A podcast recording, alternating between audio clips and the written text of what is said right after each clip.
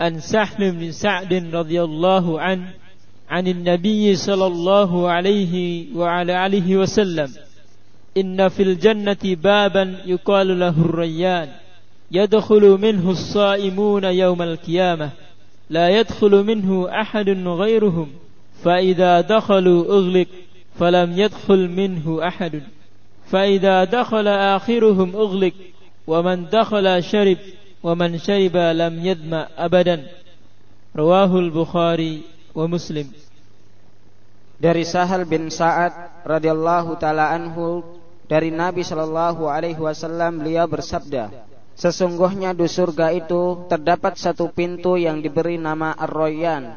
Dari pintu itu orang-orang yang berpuasa akan masuk pada hari kiamat kelak. Tidak ada seorang pun yang masuk melalui pintu itu selain mereka saja.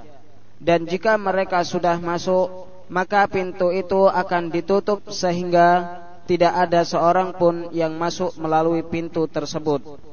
Dan jika seorang yang paling terakhir di antara mereka sudah masuk, maka pintu itu akan ditutup.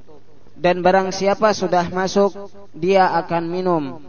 Dan barang siapa sudah minum, maka dia tidak akan pernah haus selamanya.